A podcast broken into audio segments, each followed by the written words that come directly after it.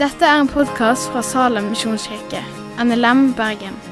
For mer informasjon om Salem, gå inn på salem.no.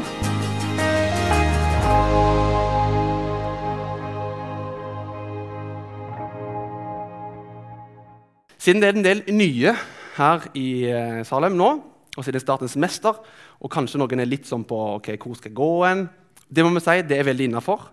På et eller annet tidspunkt så setter Mathias ned foten, og da er det, da er det satt ned foten. Da bestemmer du deg. Så det, er, det kommer sant, Mathias, en eller annen gang. En sånn fin balanse mellom fasthet og ydmykhet. og alt det der. Men hos oss så har Bibelen alltid vært øverste autoritet. Og det er min bønn at det fremdeles skal være i tiden som ligger foran. Vi lever i en spennende verden. Det er mye ting som skjer. Men denne boka den er full av visdom. Denne boka er full av kjærlighet, og den er superrelevant for meg og deg som lever i 2022. Um, denne boka blir jeg mer og mer bergtatt av. Denne boka blir jeg mer og mer glad i. Uh, og Hvis du begynner å gå i Salem, eller har gått i Salem, så er det min bønn at du også skal få lov til å bli glad i denne boka. Bli glad i Guds ord, og at vi i Salem kan få lov til å dele det som vi har på gudstjenester i smågrupper, men at vi, som det japanske uttrykket, kan lære deg å fiske enn å bare gi deg fisk. Um, så det er min bønn at du gjennom Salem-tiden kan få lov til å bli glad i din bibel og få næring sjøl. For vi har ikke noe bedre å gi dere enn Guds ord. Ok, I dag er tema Markus kapittel 1. Eh, vi skal ikke lese hele, men for du som eh, har telefon eller Bibelen, så kan du slå opp der og måtte være litt i, i, i starten av Markus 1. Eh, men når vi skal begynne en taleserie om Markus-evangeliet Det er min første taleserie som jeg måtte med å starte. Jeg sånn, Hva bedre plass er det å begynne enn der Jesus begynner i Markus-evangeliet? Så vi skal begynne i vers eh, 14. Kapittel 1, vers 14-15. Så resten av kapittel 1 får dere ta på eh, lønnkammeret, som betyr tiden sammen med Jesus, hjemme. Og vi leser Jesu navn. Etter at Johannes var blitt fengsla, kom Jesus til Galilea og forsynte Guds evangelium og sa tiden er inne. Guds rike er kommet nær. Vend om og tro på evangeliet. Tiden er inne. Guds rike er kommet nær. Vend om og tro på evangeliet. Slik lyder Herrens ord for oss i kveld. La oss be. Gode himmelske Far, takk at du har samla oss i ditt navn. Og takk at der to eller tre er samla i ditt navn, der er du midt iblant oss. Herre, for et løfte at du er midt iblant oss i dag. Herre, vi inviterer deg inn i våre liv, inn i denne stunden her, Herre. Kom, Hellige Ånd, og fyll oss. Tal til oss. Vi ber om at ditt ord kan få lov til å tale til oss og skjære gjennom marg og bein. Du ser hva vi trenger, Herre. Vi ber om at du kan få lov til å stige opp av teksten og bli stor for oss, Herre. For ditt navns skyld, vi ber. Amen. Amen. Boka, Markusevangeliet, er satt i Bibelen, som er inndelt i masse bøker. To hoveddeler, Det nye og Det gamle testamentet. Det nye testamentet har fire evangelier i starten, som er ganske like.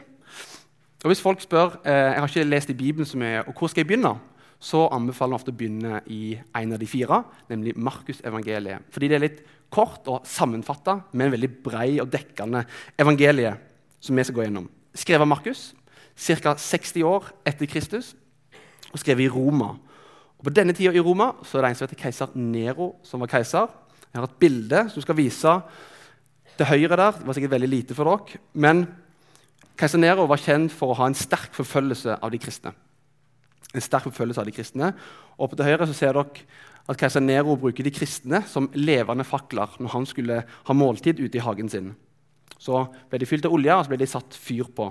Så brukte han det som underholdning og lys. Men som forfatter så er Markus han er, han er kort, han er liksom hverdagslig og litt enkel.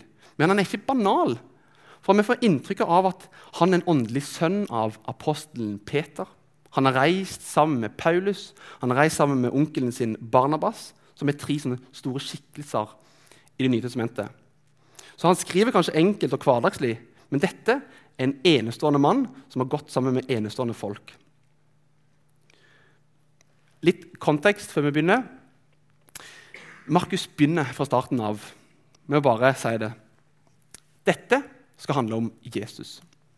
Og Det vil jeg også si til deg som er her. Salem, dette, denne talen, denne serien, denne kirka, det handler om Jesus. Ingenting annet. Eh, og Her begynner evangeliet om Jesus Kristus. Det er dette boka handler om, og dette Markus vil få fram. Når en ser en serie eller en film, så kommer en av og til rett inn i en handling før liksom regissøren kommer sånn 24 timer tidligere. Det gjør på mange måter også Markus. Han sier dette, her begynner evangeliet. Men så tar han oss ok, noen hundre år tidligere og begynner med noen profetier. Som det står Se, jeg sender min budbærer. Han skal rydde vei for meg. En røst roper. Rydd Herrens vei i ørkenen. Jevn ut en vei eh, i ødemarken for vår Gud. Og Så kommer vi tilbake igjen og så ser vi at det er døperen Johannes som er denne røsten i ødemarken. Det er han som er denne budbæreren. Og så blir Jesus døpt av døperen Johannes, og så kommer Jesus ut i ødemarken i, i 40 dager. Litt over en måned før Jesus kommer tilbake igjen og så kommer til en plass som heter Galilea, som jeg også bare skal vise. Oppe til venstre der, det røde feltet, hvor Jesus begynner sin tjeneste. Jeg har bodd noen år i Telemark. og For å komme dit fra Bergen hvor vi har hytta, så må vi over Haukelifjell. Og Ved Haukeli er det ofte kolonne på vinteren. Og I en kolonne så er det en brøytebil foran, og så er det biler bak. Eh, hvis du ikke har prøvd det noen gang, så eh, prøv det. Det er en spennende reise.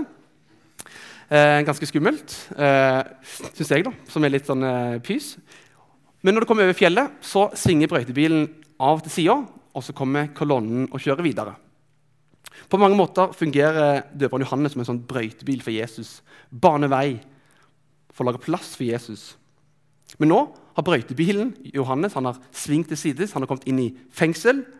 Og i dragsuget så kommer Jesus. Så så langt har vi kommet. Så Markus har skrevet en kort og en komprimert bok om evangeliet, som han skrev i Roma under sterk forfølgelse. Og fra starten av det handler om Jesus.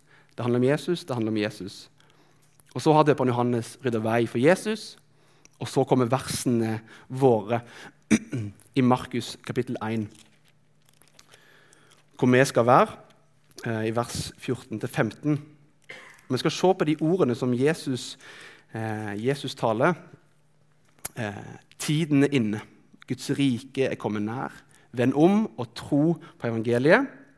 Og så skal vi se på tre ting ut ifra disse ordene til Jesus. Vi skal se på omvendelsen. Jesus kaller oss til å vende om. Vi skal se på evangeliet, som er gode nyheter. Jesus sier at vi skal vende om og tro på evangeliet. Og til slutt skal vi se på Guds rike som gode nyheter. For at Guds rike er kommet nær. Guds rike er kommet nær. Så for dere som er skrudd sammen på den måten, så er det det som er kvelden i kveld. La oss begynne med omvendelse. Jesus sier, 'venn om og tro på evangeliet. Omvendelse betyr å skifte retning, endre kurs eller snu seg vekk fra noe. Og Når Bibelen snakker om å vende seg vekk, eller omvendelse, så er det ofte fra ting som, som ikke er bra, som Jesus ikke liker, til noe som han elsker. Men omvendelse er ikke noe nytt i Bibelen når Jesus kom med dette. Døperen Johannes gjorde det, men òg i Det gamle testamentet vi skal ta med litt, noen vers derfra, hvor det står i Jeremia Vend tilbake, du frafalne Israel, sier Herren. Jeg er ikke sint på dere, for jeg er trofast, sier Herren. Jeg er ikke vred til evig tid. Vend om, Israel, til Herren din Gud, for du har snubla i din skyld.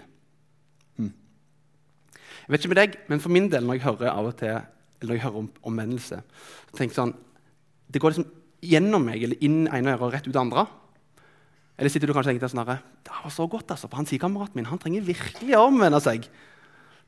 Kanskje er du sånn. Men jeg tror kanskje Gud har lyst til å si noe til deg i dag.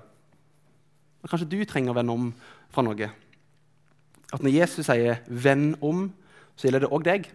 Ikke bare sier kameraten din eller meg. Hva ting i livet ditt er det som ikke er bra? Som, som du går en vei som du burde vendt deg vekk ifra? Hva retning går du? Hvis du tar de siste to månedene, siste halvåret. Og så slenger vi på pandemitiden i samme slengen, som jeg vet har vært tøft åndelig for mange. Går du nærmere Jesus, eller går du lenger vekk ifra Jesus? Jeg tenker Det er, sånn, det er ikke en statisk relasjon. Enten så kommer du nærmere Jesus, eller kommer du lenger vekk fra Jesus. Ja, du er her, så du er ikke totalt ute å kjøre. Men kan det være at det har blitt litt kaldt på innsida? Kan det være at en er på vei vekk fra Jesus mer enn nærmere Jesus? Og Jeg tror ikke Jesus eller jeg har lyst til å være hard eller krass, men mer som en sånn kjærlig far som ser toåringen sin på trihjulssykkel sykler bort på Johanneskirken og ser trappa komme ned. Nei, nei, nei, nei. Ah, ikke dit. Ikke dit. Vend om. For når Jesus forkynner 'vend om', så snakker han om 180 grader. Kanskje driver du med svart arbeid, kanskje fysker du med skatten. Det handler ikke om å gjøre bare litt mindre, men det handler om å ta totalt avstand og bare gi alt vekk. Altså spissformulert ikke betale skatt og betale masse skatt. Gi til Guds rike, velsigne naboene dine. Ikke bare litt bedre, men total forvandling er det Jesus snakker om. Gå i motsatt retning. Men når man snakker om omvendelse, så tenker jeg at kanskje ikke handler nødvendigvis om en omvender seg, men hvem en vender seg til. For Jesus sier 'venn om og tro på evangeliet'. Det henger sammen. Venn om og tro på evangeliet. Venn om fra det du står i, til evangeliet, til de gode nyhetene. Så det tas inn i punkt to, evangeliet som gode nyheter. Eller som betyr annonserende nyheter. Gledelige annonserende nyheter. Nyheter som bringer glede. Og Når Markus skriver dette ordet, evangeliet, så skriver den på en tid der det var snakk om sånn historieendrende, livsforvandlende nyheter. Ikke koronastatistikk, ikke statistikk fra fotballkampen her om dagen, men livsforvandlende nyheter. Kanskje noen her har blitt foreldre. Det er en livsforvandlende nyhet. Vi ble onkel og tante, meg og Birgitte, eh, rett før jul. Det var sånn livsforvandlende nyheter. Men på den tida kunne det vært kanskje en ny konge. Det kunne vært at de vant en stor krig eller et stort slag. For når Hellas invaderte Persia sånn rundt 500 år før Kristus, og det der store slaget om maraton, og de vant, grekerne vant det slaget, så sendte de budbærere eller evangelister som skulle fortelle om hva som hadde skjedd. Og de ropte Vi har kjempa for dere. Vi vant. Dere er ikke lenger slaver, men dere er fri. Dere er fri. Et evangelium en annonsering av noe som har skjedd i historien. Noe som har blitt gjort for deg, som endrer statusen din, som endrer identiteten din for alltid. Og Her ser vi litt essensen i forskjellen på kristendommen og andre religioner. Andre religioner handler om gode råd for å komme nærmere Gud. Kristendommen handler om nyheter. Gode nyheter. Andre religioner sier at dette må du gjøre for å komme nærmere Gud. for er det fortjent å komme til Gud. Kristendommen og evangeliet er her. Dette er sånn som Jesus levde, sånn han døde, sånn han gjorde at du kunne komme til himmelen. Det er gode nyheter. Så evangeliet betyr gode nyheter for oss. Gode nyheter som endrer livet vårt. Som er livsforvandlende, historieforvandlende, som endrer historien men det er ikke gode råd å følge.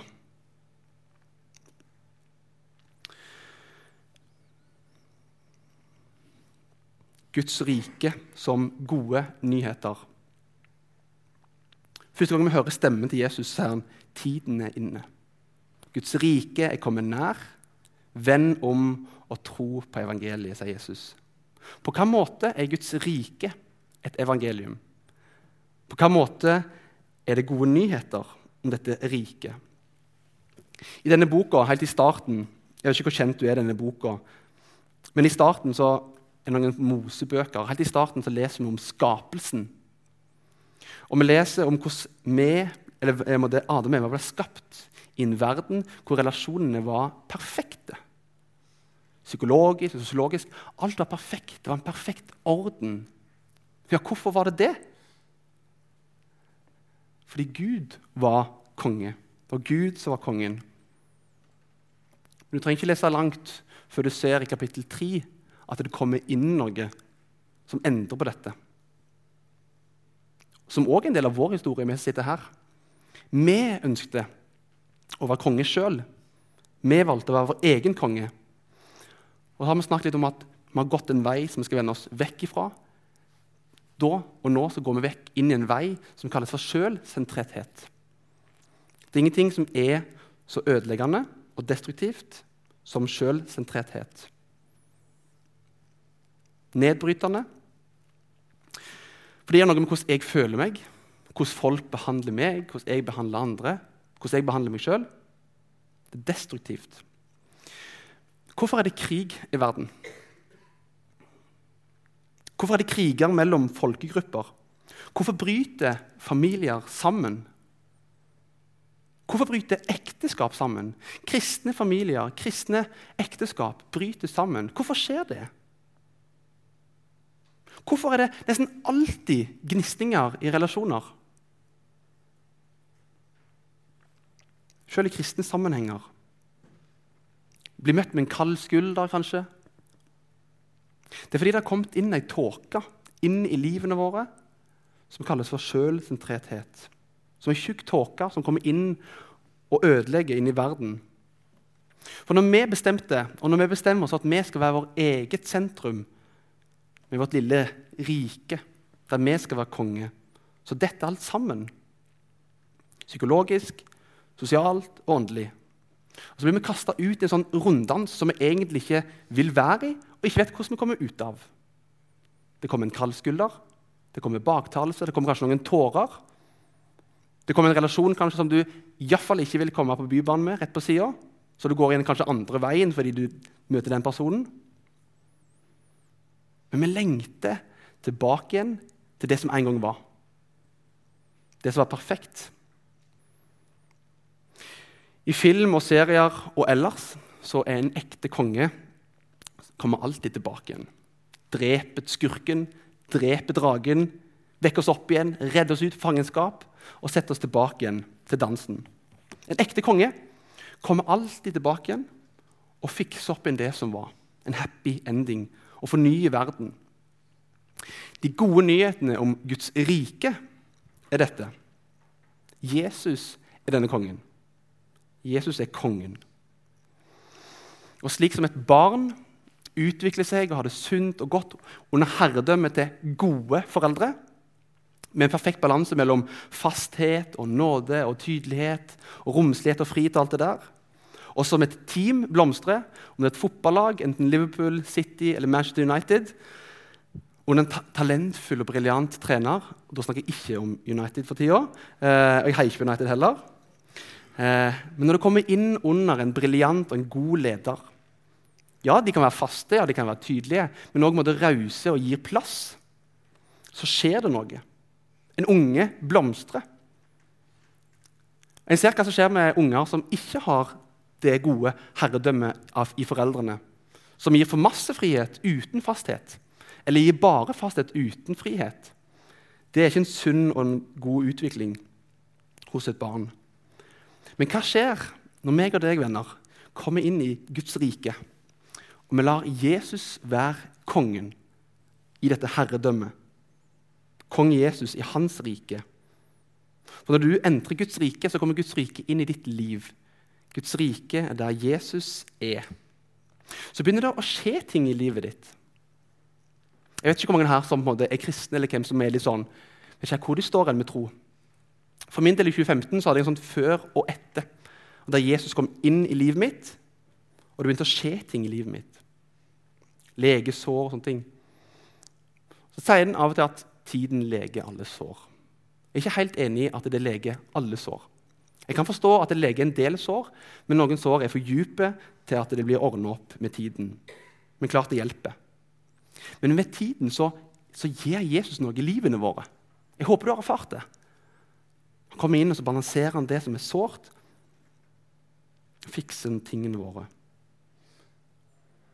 For når Jesus kommer inn i dette riket, og du får lov til å ha han som konge, som en god konge, så begynner det å skje ting i livet ditt. Men hvordan kommer Guds rike? Hvordan kommer dette riket? Det kommer til oss når vi hører evangeliet og kommer til tro. Da blir vi født på ny, og så blir vi borgere i dette riket. For Guds rike er inni oss, og Guds rike er der Jesus er, og der Jesus er med sin ånd. I Lukas 17 så står det ingen vil kunne si 'Se, her er det', eller 'Der er det'. For Guds rike er midt iblant dere. Guds rike er gode nyheter fordi Jesus tar bolig i oss med sin ånd. Når han bor i oss og jobber med oss. Jesus kommer inn i livet, og så fyller han det som var mørkt, fyller han med lys. Det som var fullt av ondskap, fyller han etter hvert med kjærlighet. Hvis du har vært lenge i et mørkt rom, og så får du et sterkt lys rett i øynene dine, så svir det som søren. Hvis du har vært i mørket lenge, noe jeg hadde vært, så svei det noe vanvittig med det lyset. Men det lyset er godt. Det kommer lys der det har vært mørkt. Og det kommer kjærlighet der det har vært ondskap. Og der det har vært kaos, ja, der skaper Gud orden. Vi har sett på hvordan døperen Johannes var denne brøytebilen for Jesus. Og hvordan Jesus begynner tjenesten sin med å forkynne Guds rike er kommet nær. Vend om og tro på evangeliet. Og så så vi at Omvendelse handler om å bare ikke gjøre litt mindre av en ting, men ta totalt avstand og gjøre noe totalt annet. Det motsatte. Og Så så vi hvordan evangeliet er de gode nyhetene som endrer livene våre. Når folk spør hvordan jeg følger Jesus, så livet mitt ble forandra. Jeg blir aldri den samme igjen. Historien blir endra. Og så så vi hvordan Guds rike er gode nyheter ved at Jesus tar bolig i oss. Men hvordan kan vi få mer av dette Guds rike, som er et sånn diffust begrep? Disiplene kom til Jesus en dag så spør de, kan du lære oss å be. Ja, ja, det kan han gjøre. Så ber han, vår Far i himmelen, la navnet ditt helliges. La riket ditt komme. La viljen din skje på jorden slik som i himmelen. La ditt rike komme, ber vi. Eller kanskje framsier vi han. Bare gjør det, og så går vi videre. Men vi ber ditt rike må komme. Vi ber på en måte Far, kom og regjer i mitt liv. Far, vær kongen i mitt liv. Hold meg vekke fra ondskap og led meg inn på rettferdighetsstier for ditt navns skyld. Men tør vi å be denne bønnen helt og fullt? La ditt rike komme.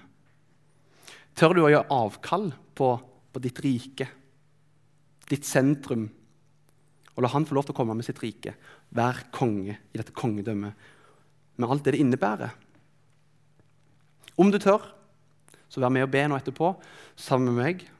Om du ha Jesus inn i livet ditt for første gang eller for tusende gang, så kan du be sammen med meg nå. Far, kom og regjer i mitt liv. Far, vær kongen i livet mitt. Hold meg vekke fra ondskap og led meg på rettferdighetsstier for ditt navns skyld. Amen. Takk for at du har hørt på podkasten fra Salem, Bergen. I Salem vil vi vinne, bevare, utruste og sende. Til Guds ære. Vi ønsker å se mennesker finne fellesskap, møte Jesus og bli disippelgjort her i Bergen og i resten av verden. Vil du vite mer om oss, gå inn på salem.no.